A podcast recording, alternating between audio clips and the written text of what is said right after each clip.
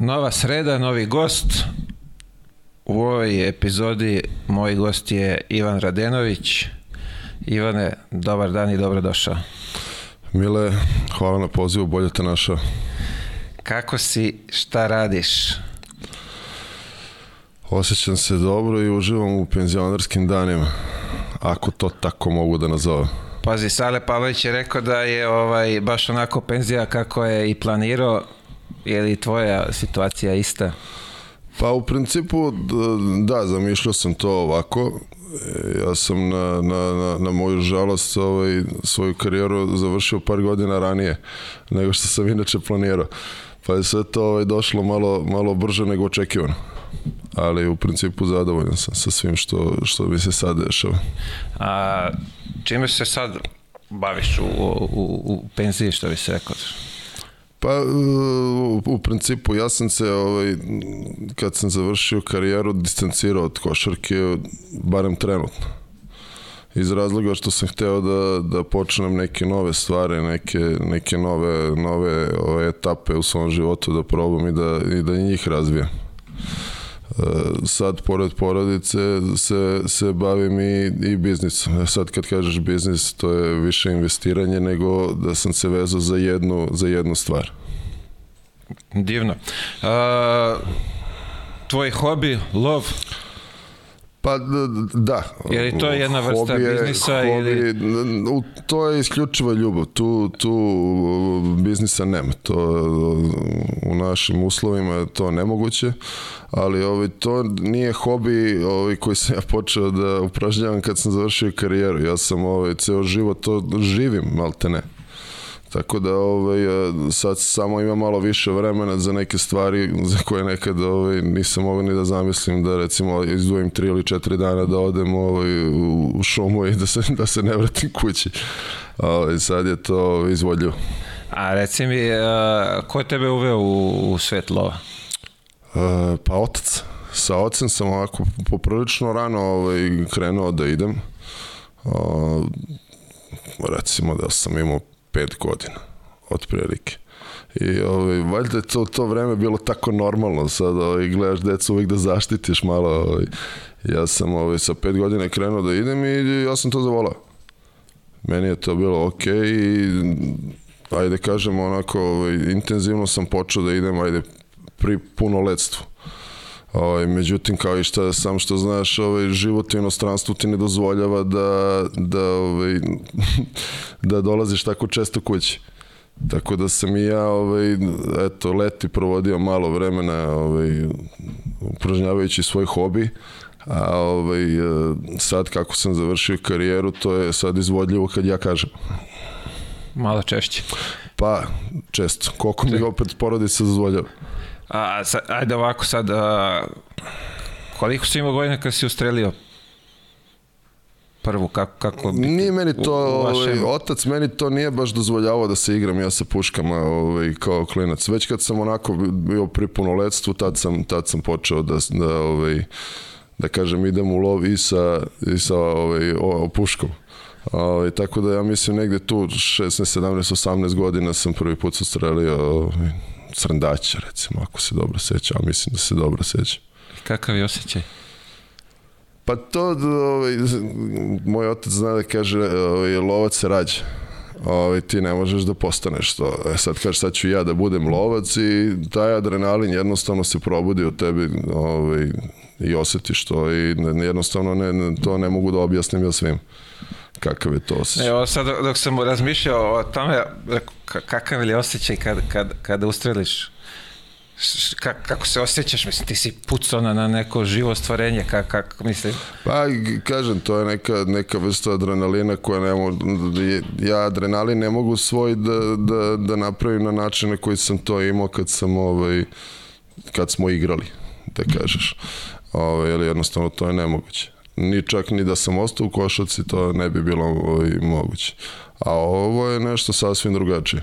Samo onako šetnja kroz šumu, malo onako se osjetiš ovako i ovaj, ranjivo Pa onda ti malo, malo i strah te, ovaj, pa ne samo da Na će nešto prvo da se napade, neće, ne, ovaj, čovjek je ovaj, najveći predator, tako da ovaj, to nije, nije pitanje, ali da se čovjek izgubi u šumi. Ovaj, I da se onako provede par sati samo onako u dobroj panici. Dok se ne snađe. Dok, se, dok te ne nađu. Jer ako si se izgubio, znači da ti stvarno ne znaš gde si ovaj, i da ne znaš da se vratiš istim putem. Wow, nisam, nisam ovaj, uopšte mi to nije padalo na pamet da čovjek može da se izgubi u šumi, da, da ne zna gde Da, da, se da, to nalazi. se, evo, to se desilo jednom kolegi ovaj, lovcu. On je bio isto povao sina, do duše njemu je dete starije, već je punoletno. I ovaj, krenuo onako na svoju ruku malo da, da se šeta planinom i u jednom trenutku ovaj, shvati da ne zna s koje strane došao, ali ti sve izgleda isto. Ja. E, onda je počela potraga. Naravno, našli smo ga mi kroz sat vremena, ali ovaj, njemu svakako nije bilo prijatno, a mi smo bili poprilično ljuti. Vi verovatno ste imali neki plan kako bi to, koji, misli, kako to već ide. Pa u principu dogovoriš se pre početka i onda se držiš tog plana, Da, ne da, mrdaš se dok neko ne dođe po tebe, neko ko je tu lokalni, ovaj, jer ti lokalci jedini znaju ovaj, u svakom trenutku gde se nalaze, u planini. Jer Jasno. bukvalno svaki put, svako drvo, sve izgleda isto. Da, to E sad, je kao... mi ovaj, ljudi iz grada, ovaj, mi znamo malo da budemo radoznali, da se prošetam, samo malo da vidim ovde iza ćoška kako to izgleda i onda kad se okreneš da se vratiš istim putem, to više nije isto. Wow. Mislim, ne, nezgo- nezgodna prilika totalno. Mm, Poprilično ovako nezgodno, ali ovaj, ajde, ajde da kažem, ovaj, sve se to srećno završilo. Super. A, neki trofej, kako vi to zovete, jel imaš nešto da se pohvališ s tim? Pa dobro, imam ja lepih trofeja u, u svojoj lovačkoj Šta bi izdvojio, karijeri. da, da. Pa da kažem, ajde Vuk je ovaj, onako, možda i najveći ovaj, do sada, ali ja lično najviše volim da, vole, da, da lovim uh, divokoze. To je, to oni su ovaj, na nekoj određenoj visini, jel tako je? Tako je, tako je. I to je iskonski lov gde ovaj, malte ne, ona vidi apsolutno sve. I onda moraš da praviš taktike kako da, ovaj, da dođeš u priliku da je, da je odstreliš. Wow. Zanimljivo. To je onako nešto što me, ovaj, što mi budi najveći adrenalin. Zanimljivo. A gde, uh, aj sad ovako, kad kažeš di ukaze, gde, gde, gde, ovaj, na kojim planinama, Pa ja, je to visina u pitanju? To, to su visine preko 1000 metara. A, pa Ovaj, dobro, ja sam sad da je to to su, više. pa u principu i na Balkanu ih ima, u Makedoniji ima ih u Bosni, ima kod nas na Tariji, e, ima još par lokaliteta gde se sad ovaj, nastanjuju, ovaj, gde su nekada živele, međutim ovaj, nemarom čoveka su istrebljene sa tih lokaliteta i ili ih nema ili ih ima jako malo. A reci mi sad, e, pretpostavljam da imate neko udruženje, jel se trudite vi da to, što bi se reklo, ovaj, neku određenu vrstu negde? Pa d- što se toga tiče, time se bavi e, ministarstvo. Aha, aha. I ovaj, oni su ti koji to mogu da urade. Mi kao, kao lovci možemo samo da damo neke sugestije, a na njima je to da odluče da li je to potrebno i, i kako to izvesti. Ipak su to ljudi koji su dugo u tome i poznaju problematiku mnogo bolje nego mi. Mi smo samo, mi samo imamo želje. Fantastično. Zanimljivo za čuti za prvi put ovaj pričam sa lovcem, tako da nisam ovaj, u, u, upućen u mnogo toga. A, ajde sad da se vratimo na našu ljubav, što bi se reklo, dečačku. Kako je došlo do toga? Kako si ti zavoleo košarku? Kako je to sve krenulo? Pa u principu da, mi smo odrasli u nekim vremenima kad je ovaj, odrastanje na ulici onako bilo, bilo normalno. Kad kažem odrastanje na ulici misleći da završi se škola, ti izađeš napolje, igraš futbal, košarku, šta je već bilo ovaj, pr pristupačno. Uh, ja sam počeo da igram basket na ulici. Da je onda u jednom trenutku neko se pojavi i kaže što ti ne probaš da odeš, evo trening, tu je klub Čukarički u tom trenutku bio. I ja se tamo pojavim, zavolim to, zavolim tu obavezu na kraju krajeva i od tad je to počelo da se razvija. Kažem, ljubav velika se ta razvila još, još više.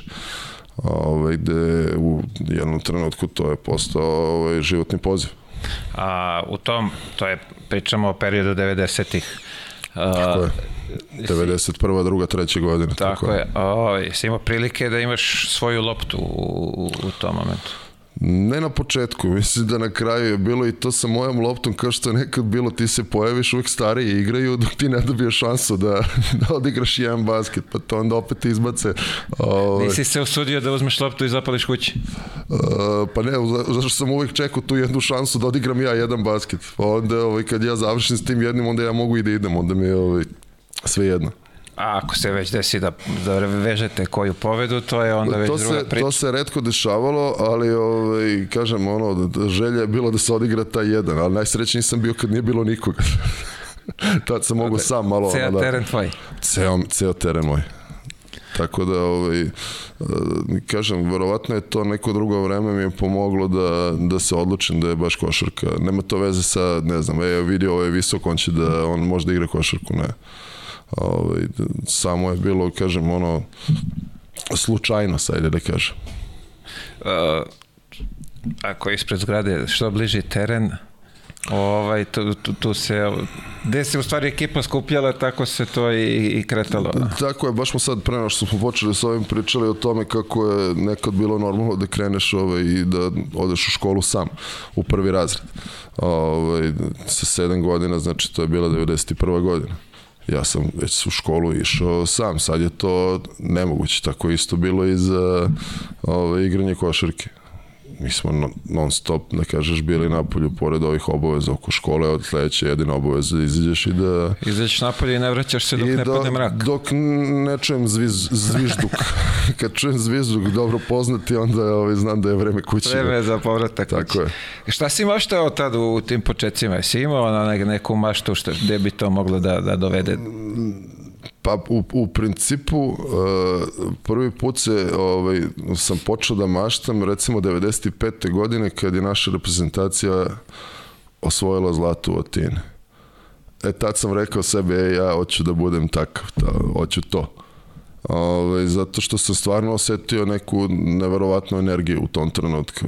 Da li je to bilo vezano za ok, teško vreme i onda ovo je bio jedno onako svetlo na kraju tunela. Da, to posle, posle sankcija, faktički to je sve došlo i Tako je. bukvalno pobedili smo ceo svet, najjači smo na svetu i Tako je, i, to, smo... i onda osjetiš tu euforiju i onda poželiš da budeš deo toga. Jasno. E, pa onda je bilo da, ko si ti, pa smo onda se ovaj, delili ko je ko ovaj, u reprezentaciji. Ovaj. Da, da, svako, svako je mora ima svog svako i, idola. Svako je mora da ima idola i ako je imao i dres, to je već o, bio sledeći nivo. Glavni tako baja da, u kraju. Tako da, ovaj, verovatno je ta ovaj, reprezentacija, ovaj, taj moment sam uticao da, da, ovaj, da kažem, poželim da budem neko od, od njih. A ti odatle prelaziš za Partizan, je tako? Kako se kako to je već to? to je već kasnije, to je recimo 2000. godina gde, gde iz Čukaričkog prelazimo Partizan. Tad još Partizan nije ušao u Duletovu eru, recimo. Da, Nego, tako je nešto pod, početkom to, to je 2001. ili slagaću te sad već, to je onako prošlo jedno izvesno vreme. Ovaj, mm, tri godine Partizana i odlazak u Ameriku. A sad mi reci, e, iz Čukaričkog, e, kako si prešao u Partizan? Je to bilo neko... neko Da li misliš da li to bilo ružno? Ne, taj prelazak, ne, ne, pošto obično znam. sad deca imaju tu ovaj, a, naprave probleme ovaj, čega. pa ne, jednostavno osetio sam da je, da je vreme da se, da se razvijam na sledećem nivou. Kao što sad se gledavam to sa, sa, i sa moje tačke gledišta da Uh, igrač ne može da se postane ukoliko ne dođeš kod nas u klubove tipa Zvezda ili Partizan gde moraš da osetiš sve te, te skobe i, ovaj, i pozitivne stvari igranja za ta, ta dva kluba, taj pritisak koji to nosi, ako ne osetiš, nisi ovaj, igrač nisi za, za velika dobar, dela, tako je, nisi kadar za velika dela. A Partizan, mlađe selekcije, to je Pa u tom trenutku Partizan počinja da stvara ovaj, takozvani taj mladi tim, neki gde dolazi i Novica i Milovan Raković i e, sad ne bih želao da ispustim nekoga ali ovaj, skupio jednu ekipu ovako od tih e, mladih talenata i sve nas pakovao ovako u jednu ekipu. Ove, I to na, onako na, na početku nije baš ove, išlo onako kako su oni zamislili.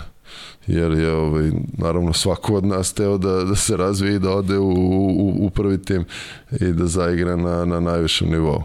E sad, teško da je nas deset možda se pokupi i da pređe u prvi tim od jedan put. Tako da to, to u prvom trenutku nismo baš najbolji ni mi kao deca razumeli. A prelazak, ti si bio u prvom timu ili bio sam pri prvom timu. Kako je to bilo? Imao sam, imao sam profesionalni ugovor. Bio sam pri, pri prvom timu, ali to je sve bilo povremeno. Znači. To je onda popuniš broj na treningu. Tako je. Tako je, ali svakako... nisi vidio, nisi u nastupao? Jesam, skidao sam se i čak sam i jednu ili dve ušao igru u to vreme. A, kažem, ovaj, za mene je i taj, to prisustvo u prvom timu značilo puno, jer dobijaš uvek šansu nešto da, da uđeš malo, da se, da se ovaj, rastrčeš sa njima i vidiš u stvari na kom si nivou. Da, da, da. A ti odatle odlučuješ se za koleč?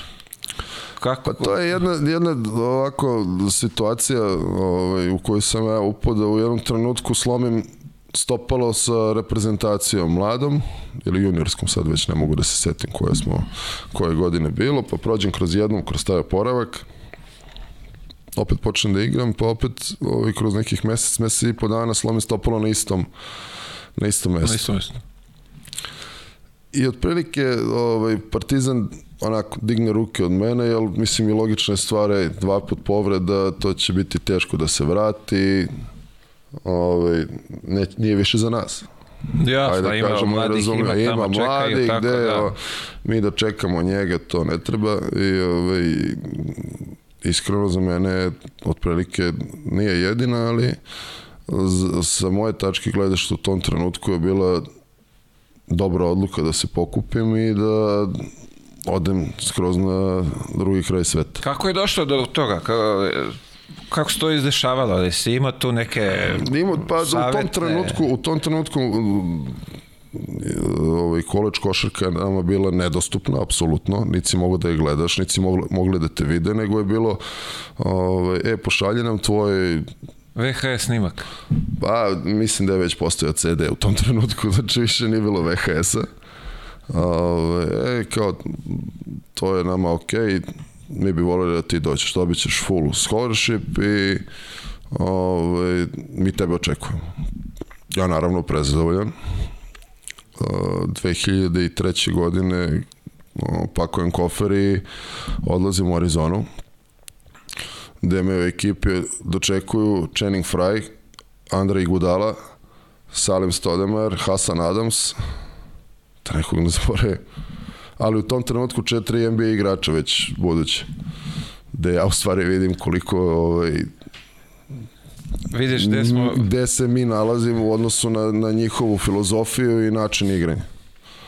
Naravno, ovaj, nisu oni imali neke očekivane da ću sad ja da, da napravim razliku odmah čim sam se pojavio, ali vremena malo uspem da se adaptiram i zato sam na kraju krajeva i ostao četiri godine gde sam sebe doveo u neko ovaj, stanje da budem, ajde kažeš, jedan od kandidata da me neko uzme na draftu. Kroz četiri godine. Da. A, sa, samo da se vratimo nazad, ka, ti, kako si zapravo izašao ti iz tog ugovora s Partizanom za, za koleč? Smo ovde raspravljali sa Saletom, pa nismo bili sigurni da li je ovaj, ako ideš na, na školovanje... Pa u to vreme, u to vreme ovaj, smo napravili, ajde da kažem, ovaj, jedan ovaj, dogovor da ovaj, se taj ugovor ni ne pojavljuje nigde. ovaj, ja sam odsedeo četiri, čini mi se, ili pet utakmica ovaj, na Arizoni iz razloga što sam se skidao za prvi tim. Za prvi tim Partizana. I to mi je bila, da kažeš, ajde, neka, neka vrsta kazne od strane NCAA. Aha, aha, aha. I ja sam morao da presedim pet utakmica, nisam mogao da igram. Iz tog razloga. Posle toga je to onako bilo Sve normalno. adakta i sve normalno funkcionisao sam, tako je. Je to tvoj prvi kontakt sa, sa Amerikom? Ne, imao sam jednu turneju smo ove, imali kao k- sa Partizanom a, svoje vremeno, a, recimo 2001. godine, gde smo, gde je mladi tim taj Partizana, već Nenad Krstić je bio tu i ovaj, nas desetak se pokupili i otišlo u Portland ovaj, na, na, u Nike headquarters i to je kaš bio neki, neki prvi, ovaj, prvi kontakt u stvari tad sam u stvari prvi put i video koliko smo mi ovaj, iza, iza ovaj, Amerike i uopšte njihove filozofije košarke. A, a, sad ovako, dolaziš tamo, kako to izgleda zapravo, pošto odavde mi, ja nisam bio, nemam predstavu, bio sam u Americi, ali nemam predstavu kako, kako, kako koleč funkci, funkcioniše. Pa vi- vidi, kao prvo ja odlazim tamo sam i ja sam kao pao s Marsa otprilike, jer mi smo samo što smo izašli iz neke, iz neke sive zone ove, života u, u Srbiji, sve nam je novo.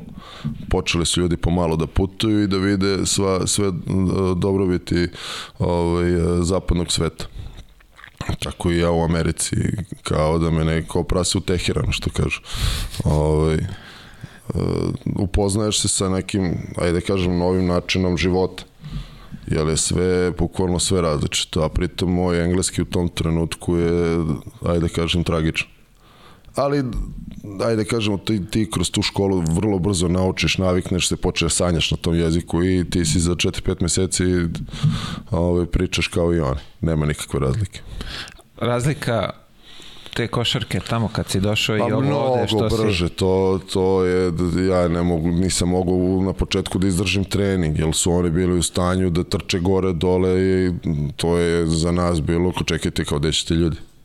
Jednostavno nisam mogao da se adaptiram na to na početku, jer igrali se stvarno prebrzo i to je za njih neki normalan stil košarke koji guraju od kad su klinci do ovaj, da je kažeš do NBA. Tako da, kažem, potrebno mi je bilo neko vreme da ja naviknem malo na, na, na ajde kažeš, nema tu nekih novih akcija ili nešto što su oni mogli da izmisle umeđu vremenu. Ali taj a- anaerobni deo je bio ovaj, na daleko višem nivou nego što sam ja u tom trenutku mogu da izdržam Ritam, pun gas, ceo trening. ceo trening i pri tom što su oni, to se prvi put sam se tad susreo sa treningom gde sve u jednom treningu spakovano. Od zagrevanja preko teretane do košarke u nekih 4 ili 5 sati. Kasnije naravno se to ovaj kako ulaziš u sezonu dublje, ovaj sve je lakše i kraće, ali početak ovaj trening kamp taj da kažemo, to je trening od 4-5 sati. A čekaj, molim te sad da objasni nam, ka, kad to počinje, ka, kako to ide, to, to malo sam zbunjen. Čuo sam da ono ustaju ujutru mnogo rano da bi završili trening pa u, na časove, pa... Pa to je već, ajde kažemo, u sezoni da se i meni dešavalo, ne znam, škola počinje u 8, ja moram da ustanem oko pola 6, da u 6 budem uh, u sali, da odradim da li tegove, da li individualni trening od sat, sat i po vremena i da mogu da stignem da ne zakasnim na, u školu. Škola je bitan aspekt njima iz razloga što ako ti je prosek ocena ispod 2.0, ti ne možeš da igraš do momenta dok ne popraviš svoj prosek. To je tako podešano. Kao ode kod nas pre, donesi knjižicu da vidimo. Na, da vidimo kakve su ti ocene pa ćeš igrati. Eto, otprilike tako. Tako da samo što je ovo na, na, na zvaničnom nivou, ta, tebe u stvari njihova organizacija NCAA kontroliš. Da, oni su... Vrlo su striktni što su- se toga tiče. su- Sad, sad uh, sumnjam da se promenilo nešto vezano za, za prosek ocena. Uh, Doveli su neke, napravili su neke onako kozmetičke ovaj, promene, ovaj, ali nisam siguran šta je sve promenjeno umeđu vremenu, ipak je prošlo 20 godina ovaj, od kad sam ja otišao do, do sad. A, a, ti si tamo, smešten si u tom kampusu njihovom ili kako, kako taj smeštaj izgleda? Ima tamo hrana U neka, principu, kako je to u, u principu ovaj, oni uh, sve, sve igrače te freshmene spakuju u, u internet prve godine da bi im olakšali sve. Tu im je menza, tu su im časovi, sala je tu i onda nemaju potrebe ni za nekim prevoznim sredstvom, niti čisto iz logističkih razloga da bi im sve bilo na jedno mesto. E sad, kako, kako vreme ide, sophomore, junior i senior year, onda se već malo i ti momci osamostaljuju i prelaze u, u stanove ili kako se već dogovaraju sa cimerima da bi smanjali troškove i tako dalje. Jer i dalje nemaš lovu, studenti kao i ovde.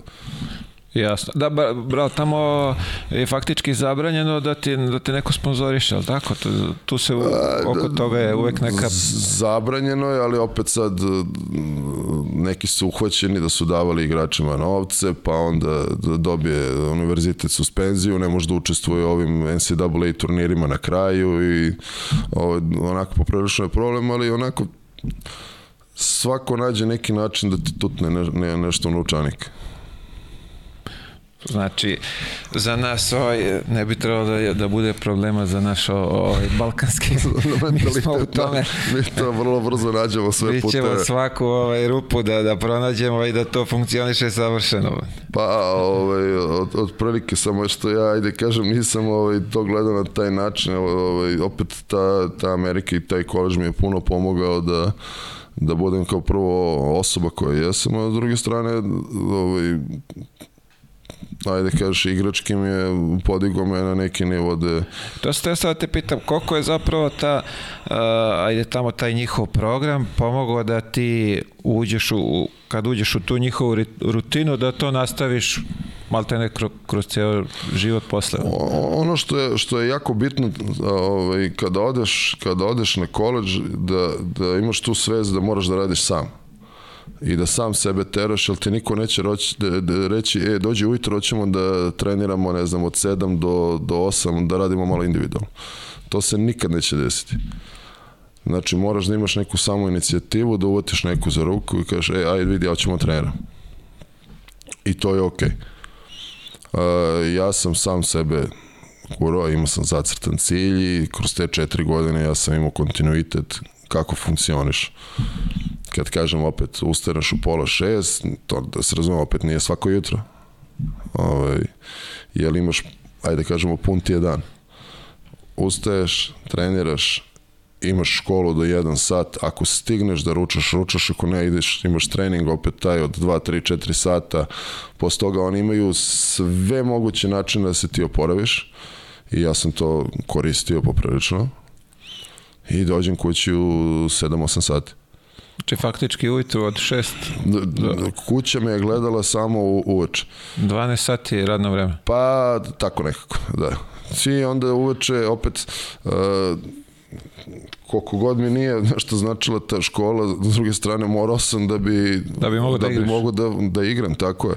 Onda dođeš kući i opet moraš da nešto, nešto učiš treba da napišeš sad u jednom trenutku ovaj, kaže meni ovaj, e sad kao imate ovaj, da se uradi jedan rad i morate da imate pet kucanih strana I, I ja sad krenem da kucam i ceo moj vokabular u tom trenutku engleskog stane na jednu stranu. I onda ja to presipam i šupljeg u prazno, pričam iste stvari da bi se to raširilo malo na tih pet strana. Ovaj, kad, kasnije sve to bude ovaj, mnogo lakše, ali taj početak je onako bilo malo komplikovanije. Fantastično. Uh, to je, vi ste imali dobru, do, dobre sezone, bar ono što sam ja malo uspeo da, da ispratim kad si ti bio tamo, vi ste dogurali do Final 8 je li tako? Ili je... Final 8 imali smo, izgubili smo uh, utakmicu koju je ovaj, bilo mnogo teško izgubiti i to je sad jedna, ta utakmica je konkretno jedna od klasika NCAA, da kažeš, tog završnog turnira, jer smo uspeli da 12 razlike koga, koliko smo vodili protiv Illinoisa ovaj, ispustimo za 3 minuta. Uđemo u produžetak i izgubimo tu utekmicu. Oni posle eh, izgube od North Carolina u finalu, ali ovaj, mi smo bili već viđeni za čak jedan naš zajednički prijatelj je, ovaj, mi je slao poruke za vreme utakmice i kaže, e, vidi, vi ćete možda ovo da dobijete. Posledeća utakmica, ja gledam karte za Final Four, ostavi mi kartu za utakmicu. Pa sledeća utakmica, čekaj bre, nemojte tako. I ovaj, onda na zadnja poruka ovako vulgarna, pa ne bi da je, da je kažem, ali ovaj, to je bilo ovaj, mnogo teško izgubiti ovaj, tu utakmicu. Međutim, mi smo u tome uspeli. ali generalno svake godine smo došli na završni turnir, nekad bili uspešniji, nekad manje uspešni, ali u principu i taj kolež gaje tradiciju i njima je, svim tim velikim koleđima je mnogo lakše da dolaze u te završnice zato što su ispred svih drugih manjih koleđa u, u smislu rekrutinga igrača tih mladih, gde se oni, ajde kažeš, posle razvijaju konkretnije dobijaš dobre igrače, drugi moraju da ih stvaraju. Jasno. A, a molim te samo pojasni, ti koleđa ima nešto po divizijama, pa imaš, ka, možeš malo detaljnije oko toga. I imaš 300, Mi znamo samo za ove najbolje što non stop osvajaju. koleđa u prvoj diviziji. Ako se, ako se dobro sećam, pa posle ima druga divizija, treća divizija ili kako već ima junior koleđa. Ovaj, I sad u, u, u principu ti znaš uh, 20 najboljih koleđa iz razloga što se oni stalno vrte u nekoj priči u smislu i NBA-a, koliko igrača je izašlo tamo, uh, gde su igrali i tako dalje. Na kraju krajeva uh, kogod je izašao sa nekog koleđa imao uspešnu karijeru u NBA-u, jer u Evropi nije bitno, uvek se potencira to sa kog je... Sa kojeg koleđa došao. Koleđa došao, tako je. Tako da, ne znam, Arizona je izbacila do sad 40 NBA igrača, Duke 100, North Carolina 80 i to su te ekipe koje, koje UCLA i tako dalje, ovaj, koje su na, na izvoru dobrih igrača i njima je malo lakše da ovaj, izguraju to, ovaj, te igrače u NBA ili da imaju uspešne karijere. Da, da, da. Uh, postoji tu neka šansa sada da, da ti iz druge divizije dođu do, do, do tog nekog završnog turnira ili, ili su oni to razvojena ta takmičenja? To su, to su ja, koliko se ja razumio, to su razvojena takmičenja i to je ovaj, e, ta prva divizija to ovaj, ima to rangiranje kako već to kod njih ovaj, funkcioniše, ali e, prevashodno se gleda e, tvoj uspeh u sezoni, što, što si dobio po njima teških utakmica kod kuće ili ti na strani još više dobijaš više tih bodova i penjaš se na toj lestvici. I opet 68 njih igra završnicu završnicu tako da je to u odnosu na, na bro, sam broj koleđa da kažeš mali broj. Mali broj koji dođe tako do završnice je, tako da, da ovi drugi imaju minimalne šanse minimalno. Desi se, desi se dobra godina, da se poklopi njima dobra ekipa, da iskoči neki lider, pa se onda pojave tako ono što kaže Cinderella story. Ovaj, gde oni uspeju da jedne godine, ne znam, zablješte onako, ali to je kratko trajno. Kratko trajno. ovo što me zanima sad, a, ta diploma koju ti dobiješ kad, kad završiš taj koleđ. Imali smo raspravu uh, kroz ove prethodne dve, dve emisije ovaj, vezano za to školovanje tamo i čak smo dobili i na, na, na YouTube kanalu od jednog gospodina iz Čikaga da nije to baš takva priča ovaj, da, da sportistima tamo propuštaju i da njihova ta diploma nije toliko ovaj, kako da kažem validna kao tih što su dobili te akademske stipendije i, i, i završili koleđ na taj način. Pa, isto tako ne može da se poredi, ne znam, diploma sa Arizone i diploma sa Harvarda. Ako me razumeš. Jasno. Znači, to je da, da postoji protekcija, postoji protekcija u smislu e, da, da ekipa danas ide na put i sedam dana je na putu, a za to vreme e, imaš ispit i tebi s obzirom na svoju sprečenost se pomeri da, ispit i radiš ga, da. i radiš ga kad se vratiš kod profesora u kancelariji recimo. Mhm. U tom smislu da. Ne, on skreno pažnju da Ali, da kao ne može, ne može faktički e, i jedno i drugo, moraš negde kao malo da popustiš. Pa da, to, da, su, da. to su te, to je ta protekcija o kojoj ja pričam. Znači, ali u principu ti moraš da, da budeš i određeni broj časova tamo i da pokažeš neko interesovanje da bi dobio tu protekciju, jer bilo je i, i ovaj, e, profesora koji recimo nisu hteli da mene puste konkretno da idem na put, jer sam taj dan kad se putovalo morao da radim ispit.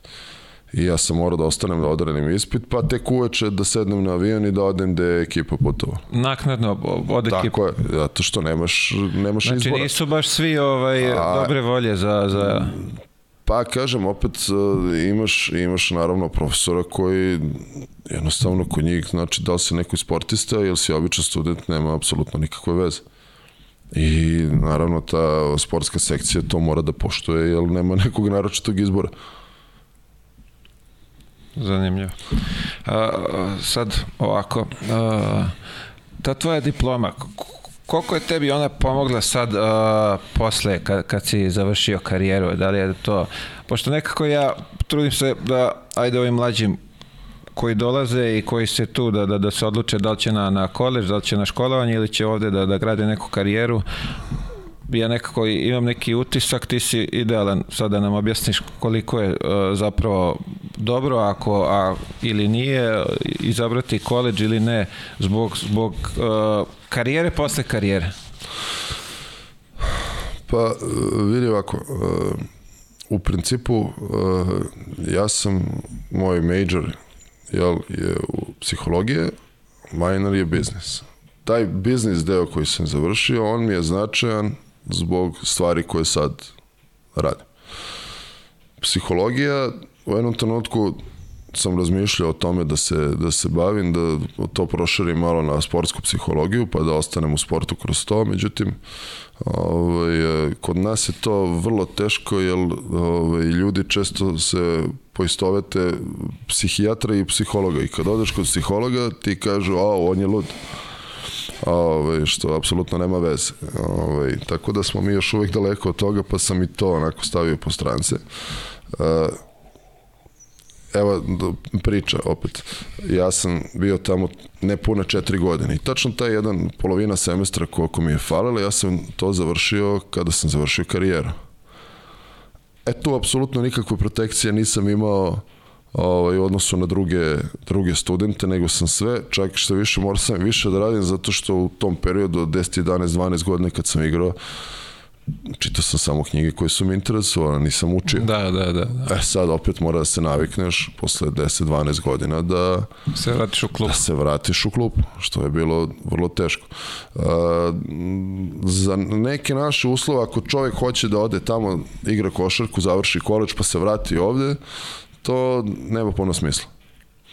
Ali da ostaneš tamo i da dobiješ neki značajan posao, to i da živiš naravno od tog posla, to već ima smisla kažem opet ovaj, malo smo mi ovaj, degradirali te ovaj, američke diplome misleći da ne valjaju ništa dok ovaj, kad završiš koleđ prestaneš da igraš i ostaneš tamo to ima smisla i naravno sa time možeš za tom diplomom možeš da živiš I vrlo lepo, ima smisla. vrlo lepo Ono što, ja bih da skrenem pažnju, jer karijera kratko traje, mi smo već u 30-im završili i onda ako nisi se, ovaj, ajde kažeš s tom nekom diplomom negde u, izabrao neki put što, što bi ovaj voleo da radiš, u velikom si problemu. Pa vidi, u principu ako si završio samo školu da bi je završio, onda nemaš, nemaš na ovaj neki naročiti izbor. Ovaj, ali ako si se opredelio za to da bi to radio posle, posle koleđa, onda kažeš, ajde ima, ma da opet ovaj, to iskustvo koje stekneš u poslu ti je osnov svega. Ovaj, neke stvari koje, koje naučiš kroz posao ne, ne pišu ni u jednoj knjizi. Jasno. Ja, a, faktički skoro sam i, i slušao jednog ovde privrednika naše koji kaže da o, džabe sve te diplome koje oni dobiju u školi ako nemaju oni radno iskustvo i ne znaju šta i kako treba da se radi, tako da... Pa to radno iskustvo na, na kraju krajeva ja sam čak ovaj, ovaj, razmišljao da, da, da počnem da radim kao, kao pripravnik u jednoj firmi da bi samo učio čoveka, znači na neplaćeno. Da provedem samo godinu dana i pratim čoveka da bi naučio neke stvari. To sam uradio na jedan drugi način, ali ovaj, to, to iskustvo je onak, to ne može da se plati, ne može da se nauči. Dobro je da ima ko da hoće da, da, da pristane na to da, da podeli. E, moraš da, da vučeš ljude za rukav i da ih pitaš. Ne treba te bude sramota tvog neznanja. Trebaš da se posvetiš nečemu i da ideš i da pitaš, postavljaš pitanja i da juriš ljudi. Jer e, mi smo se onako poprilično pogospodili kroz karijeru, jer su nam svi titrali, da kažeš. Tako je, vidite. I svi su nam olakšali apsolutno sve u tih 10, 12, 15 koje mogu da igra duže, ovaj, da ti je sve bilo na, na zlatnom tanjeru kako si to završio, to, taj tanjer su ti izmakli i sad moraš da naučiš da živiš realan život. A sad, to neki se snađuju, neki se ne snađu. Ko nema tog srama da ide i da pita i da pokaže svoje neznanje da bi naučio, on može da napravi ozbiljnu priču. Jesi posle koleđa imao želju za, za NBA draftom da, da ideš Jesam, na draft? ja sam čak i onako bio projektovan ovaj, u nekoj drugoj rundi. Ovaj, međutim, u tom draftu, ajde ja sad ne mogu da sebi tražim neki izgovor u tome, pojavilo se mnogo tih mladih, ja sam već bio senior, znači 22 godine, pojavio se jedan Durant od 19, ne znam, Greg Odon 18, 17, neki klinci koji su, koji su onako talentovani i maltene 70% drafta su bile prve ili druge godine koleđa. E, onda su došli ovi bolji malo ovaj, seniori i juniori inostrani igrači i ja sam u tom trenutku, bez obzira što sam imao neke, ajde da kažeš, garancije, što oni kažu, nisam draftom. Ja sam to pokušao posle kroz letnju ligu, međutim to sam vidio da je to jedna lakrdija i da ta letnja liga ne služi ničemu, gde ovaj, ti ljudi, momci koji su draftovani, dođu, ispucaju svoje lopte, ovi ostali tu se tuku za njih i ovaj, ta letnja liga prođe jako brzo i uglavnom ti poslovi koji su, da kažeš, za koje se se borio su već unapred ovaj, namenjeni, namenjeni nekom drugom. Tako da posle toga više nisam ni, ni, ni ne, neku pretranu želju imao da, da, da idem i da gubim celo leto, ne znam, spremaš se nešto, pošto bez obzira na sve ti moraš da se spremaš da juriš za njima ovaj, da provedem celo leto da bi došao tamo i da bi mi rekli, je dobro je bilo, ali ovaj, evo ovaj dečko ima 20 godina i baš je dobar. Ovaj, mnogo Dođi- dobro skače, mnogo dobro skače. Da, i dođi ono- sledeće godine. Sledeće Dođi godine je sutra. tvoja, da. Tako da ovaj, e, vrlo brzo sam se onako ovaj, distancirao od toga i fokusirao se na, na, na evropsku košarku. A, povratak u Evropu, sad me zanima samo, da li smatraš da si ti izgubio ove što se košarkaške karijere tiče tim odlaskom na koleđ ili ne? Ni u jednom trenutku to nisam, nisam ni pomislio. A, iz razloga što druga opcija kad sam ja odlazio tamo nije bilo. Tako da više se ni ne okrećem za tim.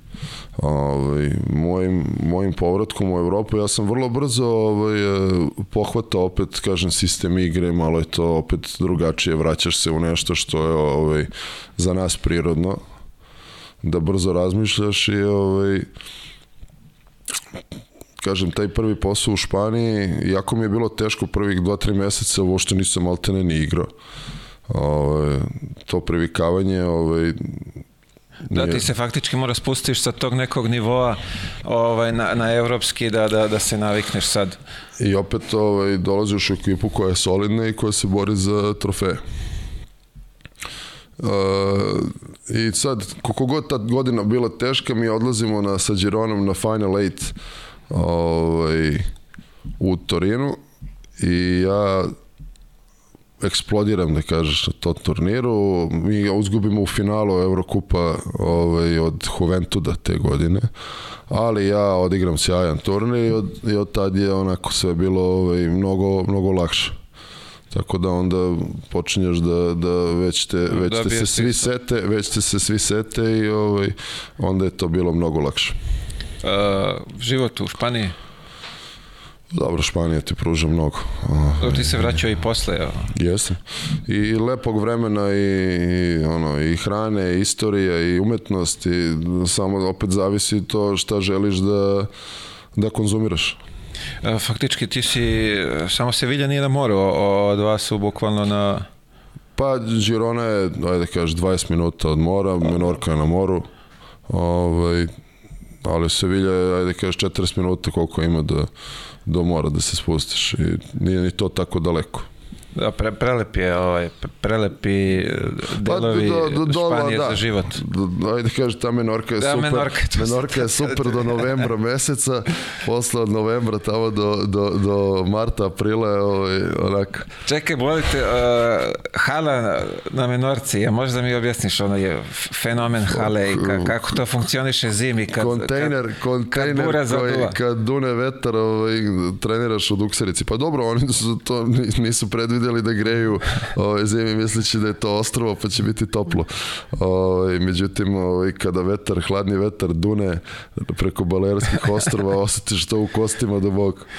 Ja sam iznenadio se kad, kad smo došli tamo i kao tu tre, to je kao ajde trening utakmica ja ušao ako gledam kao bukvalno da smo ušli u, u stovarište neko onako sklepa na nešto sa strane. Jedna... i pri tome kad i kogod uđe u halu kad zatvori vrata cela hala se trese. Ono odzvanje onaj lim i sve. Pa povuče promaju, znaš, onda malo pa se čuje sve šušti onako, ovaj, ali to je samo do marta. Posle toga, posle toga možeš da Posle funkcioniš, kreće. posle možeš i u dresu da treniraš, nije teško. to je već Mislim, kraj. dobro, to je, to je situacija i u Sevilji, isto eh, hladna dvorana, ne greju se zimi. ja mislim da je Sevilja najhladnija a, dvorana u celoj ligi Pa vrlo moguće. Jedino se tamo ono Galicije, one ovaj, gore severno se dvorane greju, ovo ostalo Dobro, sve su da mere štednje. pa oni vode Ne, kao o da su predvideli da će, da će biti ovaj, nestašica energenata, pa ovaj, su prištedili. videli su u- malo duže ovaj, u, u Da, napred. da, da, da, ali malo ne, dalje. oni što s toga, da, da, te, te hale su stvarno u Španiji ko nije imao priliku da, da se upozna Sve je to u redu, to je, mislim, ali opet to zanemariš sa onim da ti, kakav god ta liga bila, velika razlika u klubovima, opet je najbolja u Evropi iz razloga što, ajde opet, malo se dotaknem toga, Sevilla u tom trenutku ne igrala evropsko takmičenje i sad dolazi Real Madrid koji je, ne znam, igrao u Moskvi, ono, četiri produžetka, dolaze mrtvi, a ti se 7 dana spremaš samo za njih. Pa normalno će to biti blizu utakmice, ali ja znam šta je u tom trenutku Lavrinović ručao svaki dan i kako trči ovaj, na zagrevanju, a kako prvo, drugu i treću četvrtinu. Tako da, ovaj, e, dobro, to je onako, dobro, te, nije, nije jednostavno za igranje, opet Ne, ovaj, svi kažu, svi nije. kažu, ba ja potišao pa ne igra, pa ne igra iz razloga što je to teško adaptirati, adaptirati se na Da, da, to, ne, ovaj, nezgodno je liga na totalno. stil igre.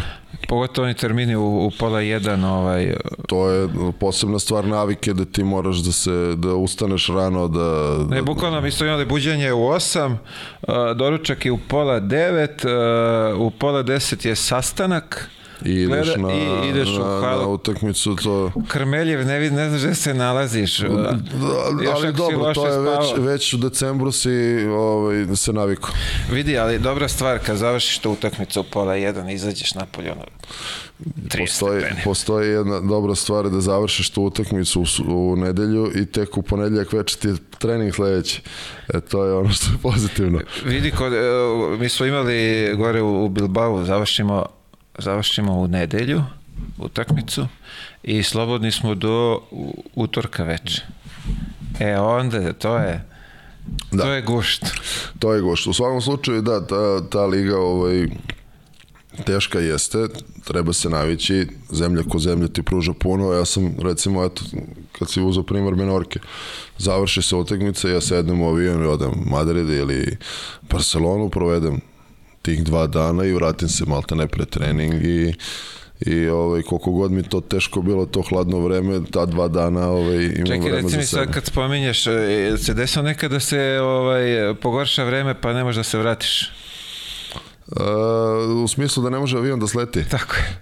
Ne, nikad to nije bilo. Ovaj, iako eh, kažu za taj aerodrom da onako je komplikovan za sletanje, ali nikad nismo imali tu, imao tu nesreću da ovaj, ne mogu da se vratim, pa da moram da Znam, platim večeru. Znam, znam ovaj par njih koji su tako slavoni dani, avion zapali za Barcelonu i posle Pa se vrati u četvrtak. pa ne može da, ne može da sleti i onda je haos. Nismo, nisam imao tu ovaj, nesreću da propustim treninge.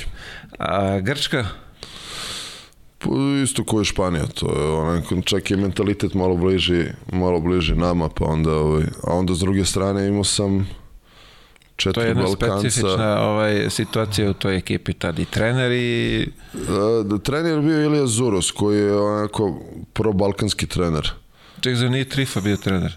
On je bio u Panioniosu. A pa njes, ok. Oni cvele su bili u, u Panioniosu, a ja sam bio sa Ilijom Zurosom, Đurom Ostojićem, Vladom Petrovićem, Stevom Naćfijom, Juricom Golemcem. E, ja mislim da je to to, mislim, onako jedna poprilično balkanska ekipa ovaj, i tako smo je igrali. I to je isto ovaj, bila jedna, ovaj, kažemo, ova dobra godina koja me izbacila ovaj, još dalje. Posle toga, A, posle toga je bio CSKA, pa Sevilla. Daj malo CSKA sad, molite, reci mi, to je onako, ajde kažemo, Pa i da, to je reprezentativni onako je nešto što je otprilike ono kao vrh brega ovaj, košarkaškog. Ovaj. Možda ja u tom trenutku još uvek nespreman za takav, za takav jedan korak, ali tu priliku ne možeš da, da propustiš. Kako deluje ta organizacija? Ajde, pričamo sad CSKA. Pa vidite kako deluje ta organizacija. Ti, ovaj, ono što je pozitivno kod njih, imaš te, da to, ajde da kažeš, ta prevozna sredstva, kao prvo, kroz Moskvu je to ovaj, teško kretati se ovo. Sad i danas krenemo za, na aerodromu Vnukovo i za 4 sata stignemo tamo. A u stvari to je koliko udaljeno? Pa 60 km jeste, ali mislim ono autoputem koji upadneš u gužvu i stojiš. Ove, a onda s druge strane pozitivna stvar je sedneš u avion i odvezu te tamo, završiš utakmicu i vratite za, za Moskvu. Da, oni su prvi imali taj svoj Prvi su imali Privatni taj, avion. te privatne avione i ovaj, što se toga tiče, tu im je, tu im je to olakšano bilo. Ovaj, isto mora se nosiš pritiskom tamo kao i što sam na početku rekao Zvezda i Partizana. Jer poraz nije opcija. Da. Uh, hajde, ove druge stvari su kao i svim drugim ekipama, već je to neko poslago ovaj, koji ima iskustva ovaj, u nekim drugim boljim evropskim ekipama, pa onda su oni to, ovaj, njih vrlo, vrlo lako naučiš tamo šta da ti samo radiš to i on samo to i radi, ne, ne, ne iskače iz, svog, iz svoje delatnosti neke. Ovaj, uvek ti je, ne znam, ono, spreman ti je dres ispeglan, e, oprano ti je sve složeno, to se čisti, dezinfikuje kad izađu svi, tako da neki red ima, ono, ne- razmišljaš da li ti je legla plata ili nije, da se samo svađaš nešto. Da, kod njih pare nisu problem. Kod njih to nije bio ovaj, e, tema. U principu sve, sve druge stvari su koje nekom drugom klubu, samo što igraš pored Šiška Uskasa koji nema manu, a ne pored nekoga koga ti moraš da praviš igrača. Jasno, mnogo je lakše igrati pored boljih igrača nego... A, mislim, to je, je ovaj, ko je igrao košarku zna. Tako da u principu, kažem, jedno dobro iskustvo, ali moja jedna nespremnost da u tom trenutku budem na, na pravom nivou. Posle toga opet povratak u Španiju, To je ta Sevilla, ali tako, bila pa... Sevilla pa, pa Menorka i onda odlazak na dve godine moj u, u Donjeck, u Ukrajinu. Kako je to izgledalo tad u, u tom momentu, s obzirom na, na ovu sadašnju situaciju? ja sam se zaljubio bio i u tu zemlju i u taj, taj grad. To je, aj sad da, da, da dam jedan primjer samo. Najbolji obrok u restoranu sam pojeo u Donjecku. Možda čak i u najlepšem restoranu u kom sam bio. Od svih gde si proputao? Gde sam proputovao, znači. Hoću ti kažem da da, ima tu i o, to, to je kod njih ovaj, u, u zemlji onako vrlo transparentno ultra bogati i ultra siromašni. I to vidiš svaki dan. I imaš uh, taj, kažem, sjaj i očaj gde, gde imaš jedan deo vrhunski autoput i to brzo prevezeš i onda ideš po putevima koji su otprilike kao da je ratno stanje počelo pre 20 godina i da je to ostalo tako rupe od, od mina i Ja sam se, ovaj, kako se iznenadio, uh, Rusija i nek, neka utakmica, ne znam gde smo bili, Perm ili tako nešto. Znači, glavna ulica, to je sve full, trotoar, asfalt, sve. ravno.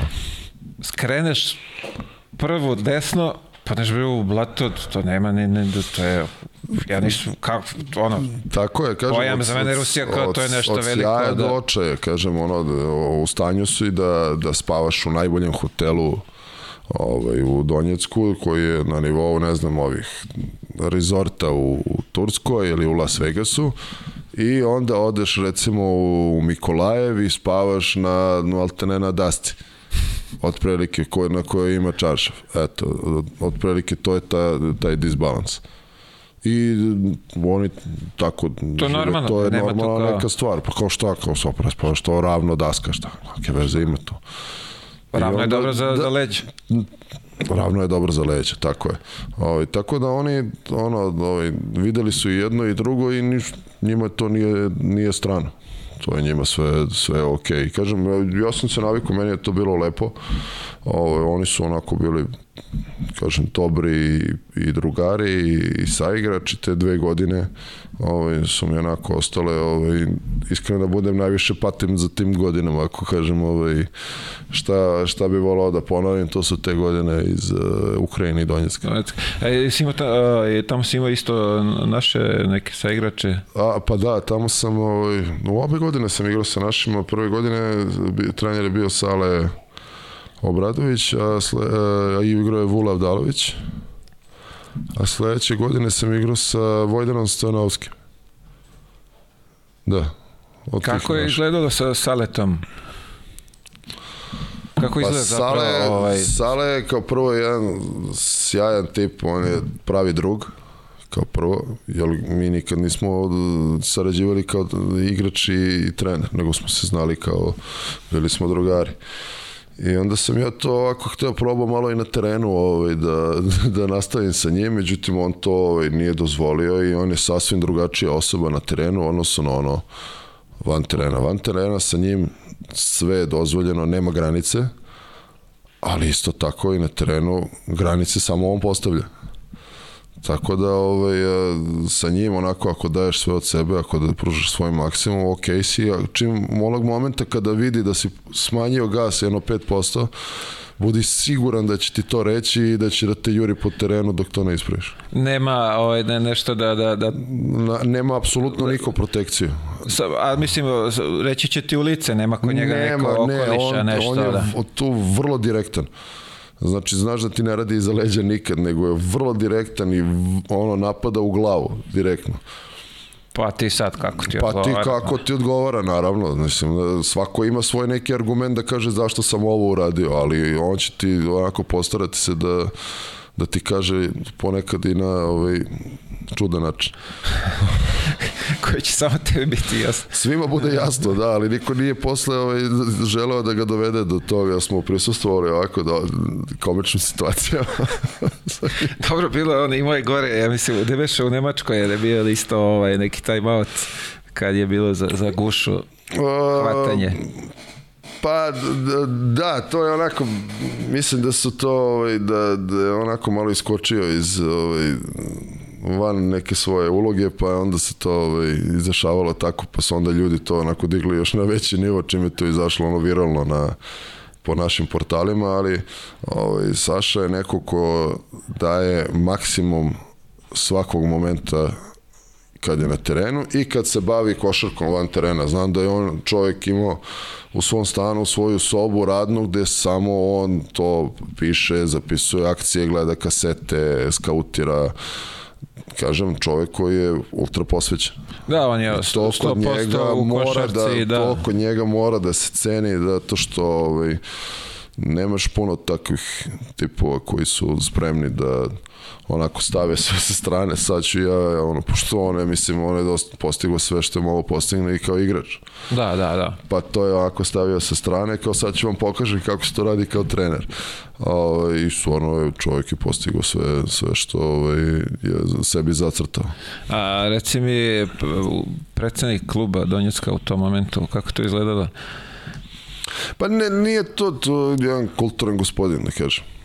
Nije to sad neki ovaj, ruski oligarh pa da vadi ono da te časti sa 100 dolara, mislim, to je ako si na to mislio.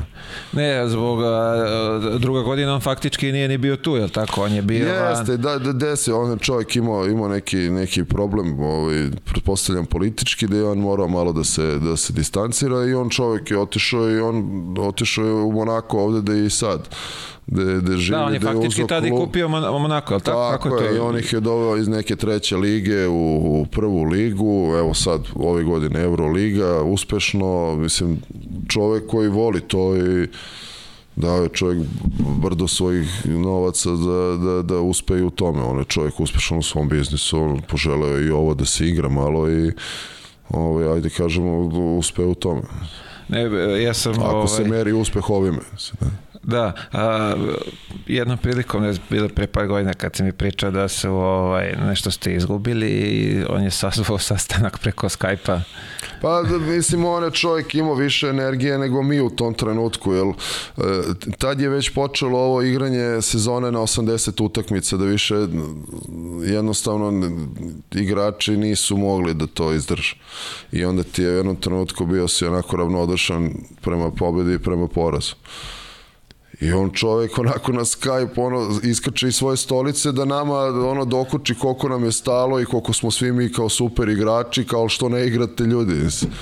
I mislim, a nije bio na način onaj kao, aj dobro, sad svima otkazi, ovaj, više ne igrate za ovu ekipu, nego onako, ajte malo, ono, probudite se, znaš, vaše motivacije, mislim, čovjek pretpostavlja vodi ovo, ono, velike kompanije i sad on ima 30.000, ne znam, svojih zaposlenih i mi smo jedni od njih i sad ajde ovima u kancelariji objašnjava kroz brojeve. Moraš da popraviš to, ovo, to, ovo ti je način i evo ti, sad kako nama da objasni, pa čekaj daj kao ti si davo kao ono, malo šta ti je sad čoveče, ne možeš ništa, nemaš pojma, kao znaš, ajde malo ono tvoje. I ovaj, kažem, imao je neku energiju i stvarno voleo to. I ono što je dobio jednu jedinu satisfakciju od, od nas je da smo osvojili tu jednu titulu i ono čovek kao da je osvojio ligu šampiona u tom trenutku na njegovu nesreću nije mogao da bude sa nama. Nije mogao da, da prisustuje tome, da. Nije mogao da prisustuje tome, da podeli svoju radost, ali opet smo se sutrada našli, on čovjek ska, skače od sreće zato što je, on je pre toga recimo 5-6-7 godina već investirao sastavljao različite ekipe, Vara Liga tamo dovodili različite Amerikance koji će kao da mu osvoje titulu, dok se nije poklopilo i ovaj, ova ekipa ovaj, to uradila. Bravo, pa ti si bio deo toga i le, lepa, ovaj, le, lepa Jest, priča. Ka, zato mislim, kažem, ovaj, te, te dve godine onako vučem je lepe, lepe uspome. Fantastično. Uh, Zvezda, se dotaknemo i nje. Pa da u tom trenutku Zvezda počinje da igra Euroligu, postoji interesovanje, moje malo interesovanje i da se vratim kući. Ovaj, onako, dogovorimo se ovaj, kako to treba da, da izgleda. Ovaj, nažalost, sad da budem iskren ja, ovaj, već te sezone u Zvezdi meni zdravlje, da kažeš, počinje da popušta. Ovaj, I više ne mogu da, da budem i da radim one stvari koje sam nekad mogao. I to je bilo više evident, nego evidentno iz razloga što jednostavno vidiš da čovek ne mogu da vežem, ne znam, dve, dve dobre utakmice, pa treća ovaj, ne mogu da se, da se ovaj, zagrejem, a ne da, da igram. Da, da, da da u jednom trenutku više onda mora praviš pauze pa da ovaj, onako na kašičicu i onako, za mene u jednom trenutku postala agonija jer sam više vremena provodio po lekarima i po terapeutima da se osposobim da kad je najbitnije da, da probam da igram, međutim jednostavno to ne ide baš tako. Tako da ovaj, e, već u Zvezdi to počinje onako da ja počinjem već da kaskam i počinjem da spuštam nivo igre da bi mogo još malo da uživam u, ajde da kažemo kao na početku u velikoj ljubavi. Da, da, da. Nažalost, svi, svi smo se susretali sa tim problemima povreda, tako da je bukvalno pa, di, povrede najbitnije diktiraju... je da postaneš svestan toga da, da ok, bliži mi se kraj, ajde još malo da, da izdržim, da zadovoljim sebe, ne bih želeo da, da to, ovaj, da kažem sebi, je, mogo si još. A sad ovako, jesi u, u tom momentu zbog povreda ovaj, e, počeo da razmišljaš o kraju karijere ili si onako, kad, kad, je, kad se zapravo desilo to da, da, da počneš da razmišljaš kad ja treba da prestaneš? Ja sam dobio čerkicu uh, 2015. godine, znači godinu dana kasnije. Prvo dete i te prve godine sam ja igrao u Izraelu njene. I to mi se poklopilo onako, e, ajde odvodim bebu da je lepo vreme, da uživam. Sledeće godine odlazim u, u Belgiju, ajde kažem još malo, opet spuštaš neki nivo, nema jurnjave, odeš na utakmicu, vratiš se kući, treniraš jednom dnevno, dva sata, imaš slobodne dane, tu ti je Nemačka, tu ti je Pariz, to možda putuješ malo. Ali se dešava to, koliko god da je to nizak nivo, da ja ovaj, završim trening, ja dođem kući, ja moram sat vremena da odmorim prema što počne se poigram s detetom. E onda si shvatio da je to veća dara nego mera. I onda jednostavno ovaj, moraš da to odbaciš jer je to neminovnost. O, ako hoćeš da uživaš u životu, mislim, ja sad ne znam šta je moglo da se desi da sam igrao još godinu ili dve dana, na što bi ličio. Da, Ovako sam može, apsolutno funkcionalan. Može dođe do, do većih oštećenja, da, većih oštećenja i, da, da. i da napravim sebi još veći problem. Kažem, to me onako svestilo, rekao, vidi, ovo je, što se mene tiče, dosta je bilo i onda se povučeš, kažem, onda počeo da razmišljaš o drugim stvarima. E, sad me zanima, kad si počeo da, da razmišljaš o tim stvarima za posle karijere i, i ovaj, si imao neki plan kako bi to izgledalo? Ono što je bilo osnovno je da završim školu. To, je, to mi je bio prvi cilj. I te prve godine, ovaj, sve sećam se, ja sad moram i sebe malo da pohvalim, e, dobijem drugo dete, dobijem sina i sećam se na, na laptopu učim i držim bebu ovaj, dok se žena sa, sa, sa čerkicom. Tako da, ovaj, kažem, moram sebe malo da podignem ovako da sam bio ono, znam i da vozim i da slušam radio. a, počinješ da kažem ti da, kroz tu školu ajde malo se usmeravaš. Ja sam uvek teo da, da razvijem neki svoj posao. Opet kažem to je sad na kraju krajeva došlo do toga da razvijaš posao investiraš pa vidjet ćemo šta će da bude od toga. Za sad sam zadovoljan ali kažem ovaj, kroz tu školu je počelo i to da, da se budi meni. A, ti si, a, ajde, posle karijere ti si mora da se posvetiš, a, da kažem, i da bi, kako ti kažeš, investirao, ti si mora da imaš neko znanje za to, da, da, da. Jesi kad, to kroz kad ulaziš školu? u nešto, kad ulaziš u nešto, mora znaš sve, naučiš sve o tome. Jesi to kroz školu ovaj, steko... Pa ne, to sam stekao kroz ovo što sam malo pre pričao, da upoznaš nekoga i onda ideš i vučeš ga za rukav i pitaš ga sve što te interesuje. Znači, pa onda faktički imao kući, si mentora. Pa da kažeš, i više njih, ne, nije to Jasne, samo jedan čovjek, niko ne zna sve o svemu. Nego, kažem, nisam imao problem da idem i da pitam i da razgovaram s ljudima, da, da, da vidim njihovo iskustva. Jer, kažem, opet, mi smo svi tu ove male bebe kad završimo karijeru. To je to. Vratiš se negde, re, resetuješ se, Vratiš se u osnovnu školu, da ne znaš gde si, ne znaš, ako nemaš neki plan, ako nešto nisi se pripremio, ne, ne, ne znaš gde, gde biješ. A, a ego ti baš ovaj, to i ne govori tako. ego ti govori da ti sve znaš i da ti trebaš tako. to da uradiš, jer ćeš ti to da budeš, ne znam, vrlo uspešan u tome, a u stvari to je ovaj, onako mač sa dve oštrice. Bravo. A, to je onaj moment, što, zašto bi ja njega pitao, znaš, kao, ipak sam ja taj taj, ja sam uh, igrao pa, sam šta da kažem opet to, nas su ovako ovaj, tetošili, titrali nam ovaj, kroz karijere, da pita mene, ovaj, ja moj komšija, kao, pa dobro, kako sad? Rekao, sad učim gde da odem da platim račune.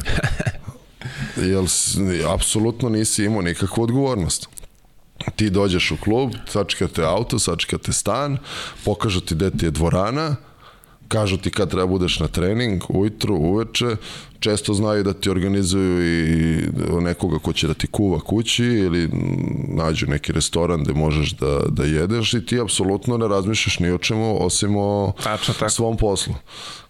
Kada to završiš, vrlo često si nesposoban za bilo šta. Uh, sticajem okolnosti poznajem neke ovaj, koji bukvalno nisu znali kako se računi plaćaju i Uzao sam banalan primjer, ali, ne, ali ovo je to je nažalost bukvalno, istina, ovo je istina ovaj, našeg... Pri, istinita priča da čovjek ono, kao je, vidi ovo... De, de da ideš, šta da radiš šta, šta s ovim? Sad, šta sad? šta da radiš s ovim?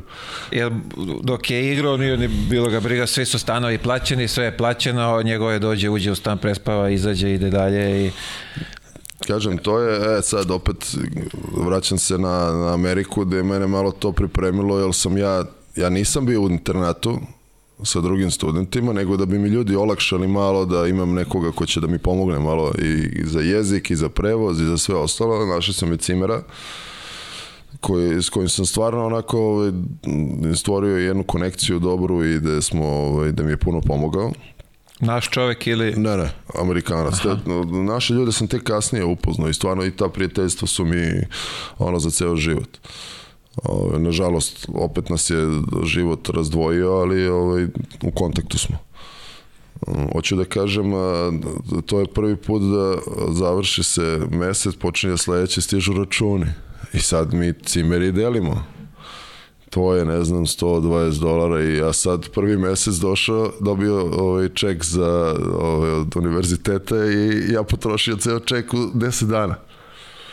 Nemam za rentu, nemam za račune, nemam ništa, znači. Rekao, vidi, ja nisam baš mislio da ovo ovako ide, ja, ja moram da se izvinim, rekao, sledeći mesec ću da doknenim sve i to mi je, kažem, prvo iskustvo ovaj, vezano za Ameriku u smislu toga, druže, mora plaćaš račune, znaš, da, imaš tamo, svoju obavezu, jel tamo si je... U Americi obaveza ti je da platiš porez i, i kako se zove račune i miranci, niko te ne dira. Pa, otprilike da kažeš tako da plati porez, to je ti osnova svega, da, i zdravstveno osiguranje i gledaj da se ne razboliš. E to, ako se razboliš, onda je ozbiljan I da se ne razvedeš. ima, ima i toga. A, samo da se vratimo, kad si imao najteži moment u karijeri? Da je ono baš bilo, vidi, da ide sve u Pa, znaš šta, nisam, uh, verovatno su te povrede ovaj, najteži, najteži ovaj, moment. Ti naučiš da živiš sa pobedom i porazom. Da, to je neka uh, pritisak koji... To ti postane nekako normalno. Gubila pa se ideš, da. finala, da. pobeđivala se finala, znaš, kaže, puno radosti, puno i tuge, ali verovatno su te povrede koje sam imao onako, ovaj, ajde kažeš i omele možda da, da, da imam i bolju karijeru nego što sam imao. Eto, to je nešto onako za čime žalim, ali to neke stvari koje ne možeš da kontrolišeš. Jasno. Uh, sad ovako, sve si to prošao, koleđ, uh, za mene je ozbiljna evropska karijera, uh, da daješ neki savet mladima koji sad su tu ajde da kažemo 18 godina gde su ono na prekretnici, gde će, šta će? Pa, uh, apropo Amerike, ako žele da odu, moj uvek je save da se posavetuju sa nekim ko je bio. I sad nije isto da ti odeš kao neki igrač koji igra na jedan način i odeš na neki univerzitet koji forsira, ne znam, ti si visoki igrač i odeš na univerzitet koji se, kroz istoriju forsira bekove. To onda nema puno smisla. Nema smisla, da. Ali negde gde, gde, gde se radi, recimo je sad Arizona je postala e, ovaj, jedan kolež, bez obzira što sam ja bio tamo i ne znam, i Dule Ristić i ovaj, još neki evropljani, ovaj, Markanen iz Chicago, mm -hmm. Iz Clevelanda, dakle. Da, Chicago o, je draftao, ali tako je bilo. Tako je. Ovaj, gde, gde oni povlače puno igrača iz, iz Evrope. I rade sa njime. Znači oni su pa, pronašli taj model. Pa taj trener sa, sa Gonzagi, oni, Gonzaga je onako intenzivno to radila. On je sad došao u Arizonu i nastavio taj trend da povlači ovaj, e, evropski igrače i ove godine je imao recimo 38 pobjeda i 4-5 poraza recimo i došao je do, do Elite 8. Znači, ovaj, on onako zna šta radi. Ono što je jako bitno isto kad odeš tamo, ono što sam rekao i za sebe, neće niko da te tera, sve moraš sam. Da se nateraš i da odeš i da u teretanu i da vežbaš individualno i da šutiraš, pored ovoga što, što imaš obavezne treninge. Da, znači faktički ako nemate radne navike... Ako nemaš radne navike, to je mnogo teško. Ne kreći preko bare. Mnogo. Pa, no, pojedu to ovi Amerikanci ovaj, tamnoputi, oni te ovaj, uvotite u neku svoju onako način funkcionisa, upakuju te i ti tu nemaš neko, nešto puno šansa. Ovaj, a kroz rad onako ovaj, ipak možeš da isplivaš malo. Kažem, ja nisam sad neka atleta naročito, ali sam naučio to tamo da plivam malo, da se, da se poguram jače, ovaj, i to je bilo onako uspešno. Pa da, ti sve te tvoje, da kažemo, mane moraš nadoknadiš nekim većim radom od svih njih da bi to... Ovaj... Koje, znači da, se, da, da razvijaš neke druge stvari i da se svoje vrline dovedeš nakon na neku poziciju, će one biti prioritet. Pa dobro, na njima je onda da biraju. Kažem, da jako je bitno ono što je, što je jedna pozitivna stvar je da ti uporedo sa, ško, sa, sa košarkom završava školu. A ne ide košarka, taj papir tamo je dalje znači. Znači da sebi ovaj, stvaraš neku novu, novu budućnost, ovaj, iako to ne bude kroz košarku, da može se zaposliš, da, da živiš od nečega sve uh, tu sad dolazi i uticaj roditelja i okoline i menadžera koji imaju, to je sad... Aj sad opet, da, da, to su sad dolaze do mene različite priče i sad ovaj, uticaj roditelja, svako misli da je njegovo dete najbolje na svetu. E sad, ovaj, u realnosti je to malo ovaj, drugačije. Malo više. Da, i sad ovaj, i svi bi mi volili da nam deca tu budu i da, da ih gledaš kako odrastaju i kako igraju i košarku i ali ovaj, nekad je vreme da ih pustiš da, da ovaj, idu sami. Da se sami snađu. Tako je. Faktički oni trebali bi uh, već da biraju svoj put, da znaju šta Mislim žele. Mislim da je najbolje da... da tu odluku donesu sami, da, da, da sagledaju sve pozitivne stvari i sve negativne stvari i da naprave sami svoju odluku i da nikad ne krive roditelja koji donao tu odluku umesto njih. Oni treba da, da donesu odluku, ali roditelji treba da ih podrže u tome. Podrška, podrška i donošenje odluke su dve različite stvari. Ako već izaberu ove, šta će raditi, moraju da, da se... Ka, kažem, nije, ja sam siguran da ni mojim roditeljima nije bilo lako da me sa 18 godina puste da odem na drugi kraj sveta ovaj, i da tamo nešto ovaj, stvaram svoju, svoju ovaj, pravim svoju karijeru. Da, a, a i sad kad si to spomenuo, uh, u tom momentu koja je komunikacija, kako si komunicirao s njima? Yahoo mail. Yahoo mail. Čak nije bilo Skype-a, nije bilo... Nije bilo Skype-a, nije, to je, da, to je to, onaj, smart telefon je već to, uf, došao 10 godina kasnije. Kad je bio onaj, kako se bila, Face, ne, kako je bilo, oni su imali neki Facebook pre Facebooka. MySpace, da. ali to je ovo ono, komunikacija kao... Da, ovdje je bio dial-up kakav crnim... Kako, pa mislim onda dođeš u vremensku razliku, pa to tamo 9 sati, odnosno na ovo, pa dok se ti ukopčeš sa njima, ajde oni zovnu, pa meni zvoni telefon ono noću, ne javlja se niko, pa onda sutra da ponovo da probamo. Je. On, mislim, sad je to mnogo lakše, ono, tad je ne, nekad je to bilo baš ovaj, teško ovaj, iskomunicirati. Pa onda pošalješ nešto, pa to dok stigne tamo i haj. To je, treba putovati. Jesi bio u pošti, kao? Jesi proveravao u pošti, da. Ove, ali, mislim, kažem, ja sam se u to vreme radao tim malim stvarima. Uopšte nije bilo stvar novca, uspeha, nego tim malim, malim stvarima, kažem. Opet ono, svaki dan za pomalo, da budeš bolji u čemu god, pa si ono zadovoljan. I kažem ja kad sam se vratio, ovo što nisam tugovao za time, nego kao ovo je sledeći korak da, idemo dalje. života, idemo dalje. Znaš, hvala im puno i nastavljam dalje svoj život. Ono, to je, znaš, nisam se, ja mislim da sam se možda jedan put samo vratio tamo na univerzitet, nažalost, ovaj, posle se taj trener koji je Lut Olson, koji je legenda, on se čovjek i razboleo i onda i ta komunikacija sa njim nije bila moguća i onda ja nisam jednostavno našao svrhu ošte da se vraćam tamo i ali kažem ono na, na, na taj, taj, ta diploma i taj dres onako stoji na jednom specijalnom mestu u mojoj, u mojoj sobi trofeja. Dobro, sigurno promenila je dosta tebe kao čoveka, oblikovala te ovaj, Amerika, pa, college. Ma, malo sam izašao iz, te, te, stereotipa. Sigurno. Uh, uh, ovako sad, uh, ajde kažemo, kad bi imao neku šansu da se vratiš negde, da bi menjao nešto u svojoj karijeri? Ne. Mm, mislim da sam sve ovaj, što sam mogao da uradim uradio.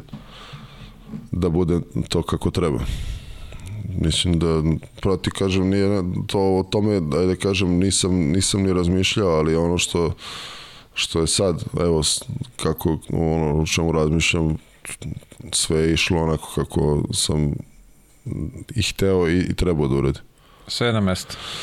Pa da, kažem, opet ovaj, ja, jedino što, što je ono kratko trajalo da je moglo to da potraje još neku godinu, to bi bilo ovaj, super, ali kažem opet stvar je da se mora da presečem ili ili. Jasno. A, sticajem okolnosti ovaj, povrede u, utiču krate karijeru. Pa dobro vidi, ja sam završio, to je bila 33. godina, imaš ti Uroša Tripkovića koji je završio sa, ne znam, mislim da je 29, 28 godina. Da, da, da. koji je isto prošao kroz pakao e, povrede i jednostavno kažeš ovo ima prevelik uticaj na, na moj privatan život i nema više potrebe da ja sad ne znam opet da se operišem da ovaj, prolazim rehabilitaciju 6, 7, 8 meseci pa da se opet razočaram ovaj, da li će opet da boli jer to jednostavno tako je sport je takav da jednostavno uzima, uzima danak i na to moramo budemo spremni. Sport je, ovaj, treba bi da bude zdrava stvar, ali Rekreativni sport je zdrava stvar, ovaj profesionalni sport zna da o, boli. Zna da zaboli, da. Baš tako. Ivane, hvala ti uh, što si bio moj gost. Želim ti svu sreću u daljoj karijeri. Hvala tebi što si me pozvao. Drago mi je bilo da sam bio deo ovog podcasta. Pa ćemo neka u nekom za Pa ćemo da napravimo neki guloš u lovu. na u viš to nisam nikad ovaj, to nisam lovački te faktički Nisi o tome razmišljao. Da, pazi ovo, probao sam jedno divljač, to je dole negde u Rakovici, neki restoran. Išao sam tamo, da, par puta, onako, jedno mi se desilo da je top, drugi put već je bilo wow. Četvrti dan. Vi- više Četvrti dan spremljen. Treći put nisam ni išao tako, ali vidim, pristajem, pristajem, rado ću se odazvati tvom Napravit pozivu na gulaš. napravit U lov ćemo neću, nešto. to mi nekako onako nisam baš da, da ovaj, Pa zato i kažem, mora da budeš rođen. nisam adekvatan za šumu, za, za Da, te da, da, terene. i odskačeš. Da odskačeš. ne bi mene neko ustrelio bolje, ovaj, ja ću tu pored, eh, Ti pored budi gulaša, pored, pored šporet. pored šporeta i ovaj, nemaš brige, brinuću o rakiju, pivo, šta već bude bilo. Ima i jedno i drugo. Eto, to je, to, To će je biti standardna moj, oprema, jel? to, to, je, to je moj deo posla. Hvala ti još jednom, hvala i vama, dragi gledalci, na, na, na, na praćenju. Zapratite kanal, sredeće, srede se, vidimo opet.